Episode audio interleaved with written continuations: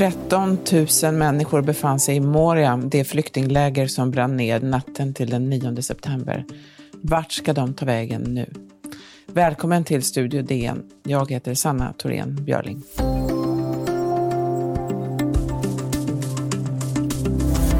Ja, på den grekiska ön Lesbos, helt nära den turkiska kusten, bildades Moria-lägret i samband med flyktingkrisen 2015. Det ökända lägret har fått upprepad kritik för förhållandena där. Efter branden nu i veckan har krisen förvärrats för de många tusen människor som har bott där, ofta i flera år. Fotografen Alexander Mahmoud är på Lesbos och rapporterar därifrån tillsammans med DNs Josefin Sköld. Om vi börjar med hur det ser ut, eh, Alexander, hur det här området, Moria-lägret, hur stort är det? Flyktinglägret eller mottagningscentrumet, som det så fint heter, Moria, eh, har en inhägnad och började användas för flyktingar år 2015 under flyktingkrisen då. Eh, och det lägret är byggt för 3500 människor. Men nu då när det har varit 13 000 människor så är det ju människor som bor runt om i det de kallar för djungeln eller olivlunden. Eh, i, vid små kullar och vid vägar så sätter de upp tält. Det här, ligger det liksom avskärmat eller ligger det nära eh, andra städer där det bor? Känner man av det här lägret när man är på andra platser på Lesbos? Ja, eh, lägret Moria ligger i staden Moria som är 20 minuters bilfärd från eh, den största staden på ön Lesbos, Mytilini. Och när jag har varit här tidigare så märks det ju att det är en plats där människor har varit på flykt och anlänt. Det är människor i olika städer eh, och vid lägret. Men nu, eh, sen corona utbröt på Grekland med ganska hårda restriktioner, eh, så har ju flyktingarna fått hålla sig väldigt avskilt. Ja, precis. Eh, eh, Alex, du har ju varit här flera gånger tidigare. Innan den här branden, eh, hur var förhållandena på Moria? Om du beskriver hur läget var när du var där senast till exempel. Alltså väldigt hemska. Första gången jag var här så, så var jag naiv och tänkte att Europa kommer ha ett ordnat mottagande och det kommer finnas en form av medmänsklighet och eh, hjälp från stat. Men det jag mötte var apatiska människor, människor utan hopp, människor som är hungriga, människor som först har flytt och sen bor extremt trångt, eh, inte stor tillgång eh, till toaletter eller duschar.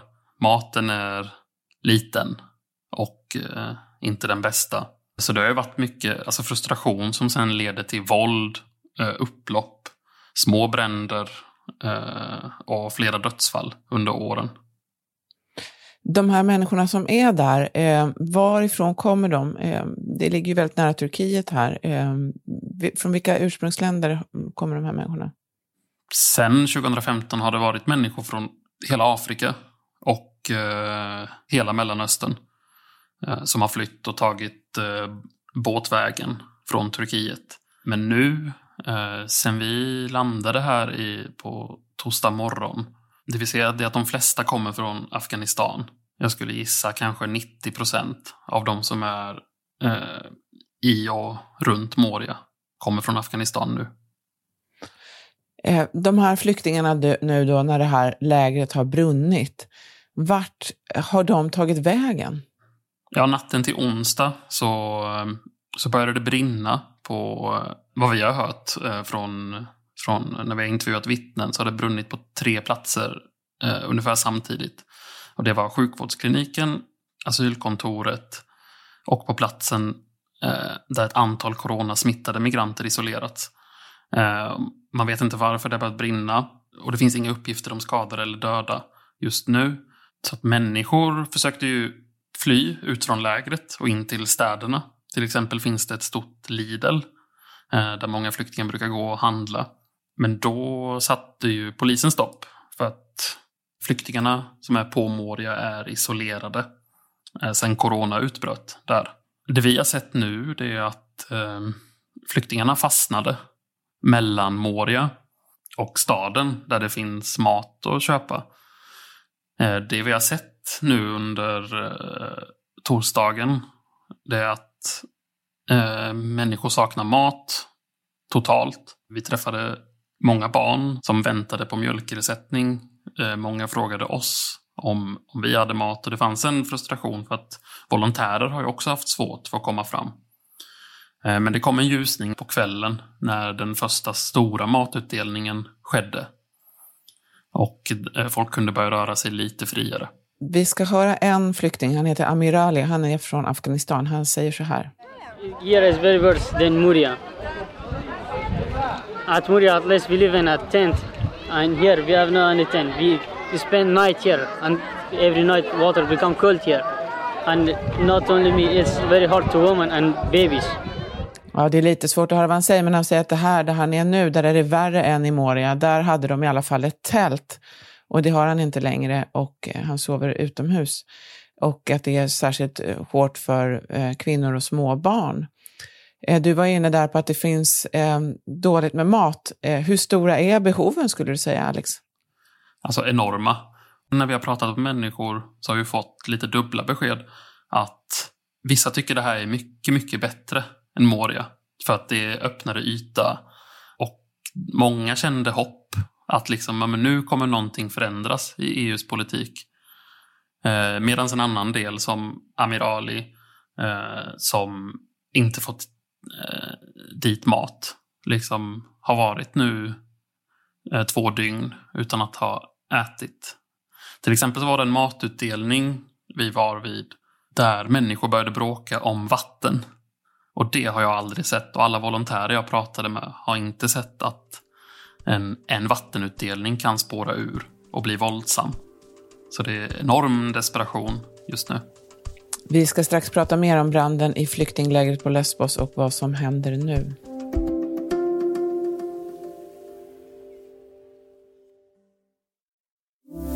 Vi pratar med DNs fotograf Alexander Mahmoud som är på Lesbos. Ja, det råder ju eh, politisk strid också om, de, om flyktingsituationen och Moria. Det verkar inte vara någon här som vill bygga upp Moria igen. Eh, Alex, varför inte? Grekland har ju bett om hjälp sedan 2015 eh, i och med att EU har ett system där platsen där migranten anländer är där eh, den ska söka asyl. Det har ju inte funkat när när Grekland tar emot så enormt många och de har skrikit efter omfördelningar och omplaceringar. Men där är ju EU och särskilt Ungern oense. Och eh, eh, de, når, de når inte en politisk konsensus.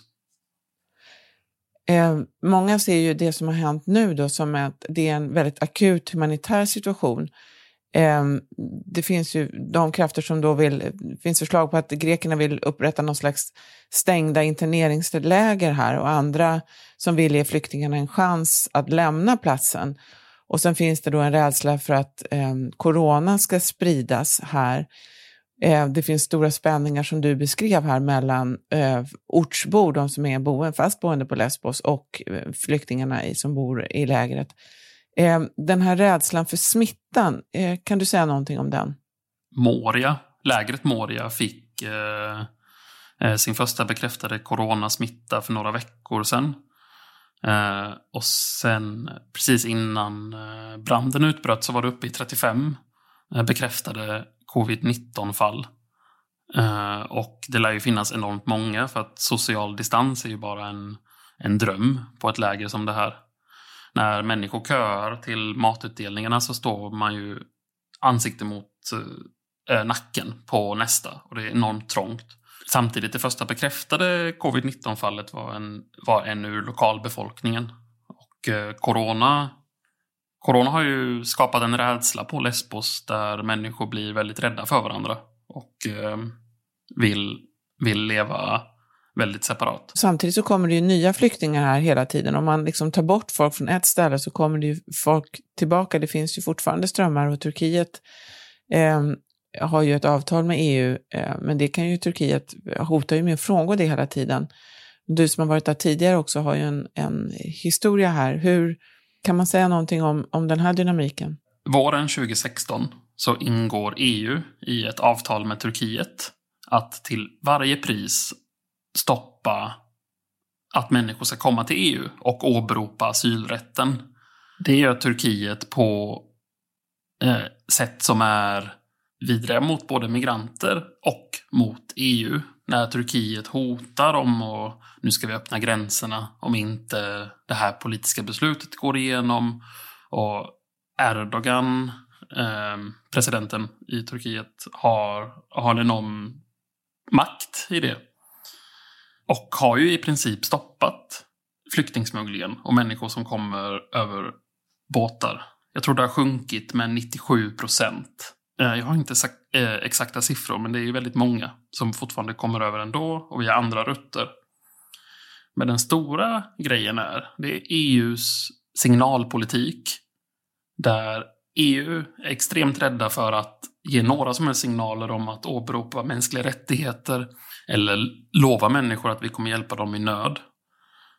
För att minsta lilla hopp som EU ger kommer skapa nya flyktingkriser där väldigt många människor vill komma över.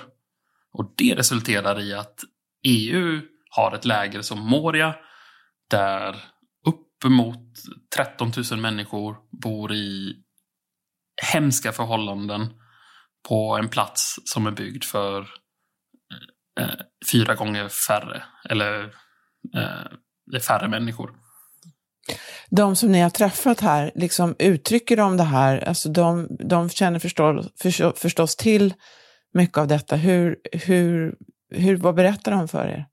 Ingen jag har mött sedan våren 2016 har känt att ah, jag vill till Europa eller jag vill välja land eller eh, det som sprids att det är migranter och lyckosökare. För att efter våren 2016 har Europa eh, hamnat så långt ner på eh, människors eh, eh, drömplats för att fly. Så det här är, det är desperata människor som kommer. Och för varje år så blir det ännu mer desperat. För att, för att EU signalerar att vi finns inte för er. Men eftersom vi är en eh, välfärdsunion så, så eh, respekterar vi fortfarande asylrätten. Men EU kommer också göra det extremt svårt för någon att ta sig till Europa. Vad tror du, vad händer, vad händer nu? Jag, jag tror det kan gå åt två håll. Antingen kommer EU säga att eh, det här är det här är en ohållbar situation och vi kan inte längre ta emot några som helst migranter, varken till Spanien, Italien eller Grekland. För att eh, vi får inte att det här ska hända igen. Eh, vi vet inte hur det här kommer utvecklas och hur människor och lokalbefolkningen kommer ha det. Eller så känner EU en enighet och känner att vi måste rädda de här 13 000 människorna som är fast på eh, Lesbos. Eh, men ett sånt beslut hade skickat positiva signaler att EU välkomnar migranter. Och det vill de inte. De avslutningsvis då, de som ni har pratat med, har de no någon... Va, va, va, hur ser de själva på sin framtid? De flesta är helt apatiska. Det här är ju människor. Ofta så beskrivs eh, de här flyktingarna som, som siffror. Särskilt när det gäller avtal och i journalistik. Men, men det vi möter som är ute på fält är ju en enorm psykisk ohälsa och en ohållbar situation. Det är väldigt sällan jag ser något hopp. Förutom hos eh, när vi träffar barn som eh, det enda barn förstår det är typ eh, att de är så rena för att här, en mat är äcklig eller god. Eller det är en rolig dag eller en eh, dålig dag. Och eh, det de flesta vill det är ju att vara med sina familjer och leka med sina kompisar. Så de har inte liksom utvecklat den här hopplösheten som troligtvis senare kommer komma. Tack så mycket Alexander Mahmoud, fotograf för DN i Lesbos. Studio DN görs av producent Sabina Marmelakai, exekutiv producent Augustin Erba, du-tekniker Patrik Meisenberger och teknik Oliver Bergman, Bauer Media. Jag heter Sanna Thorén Björling.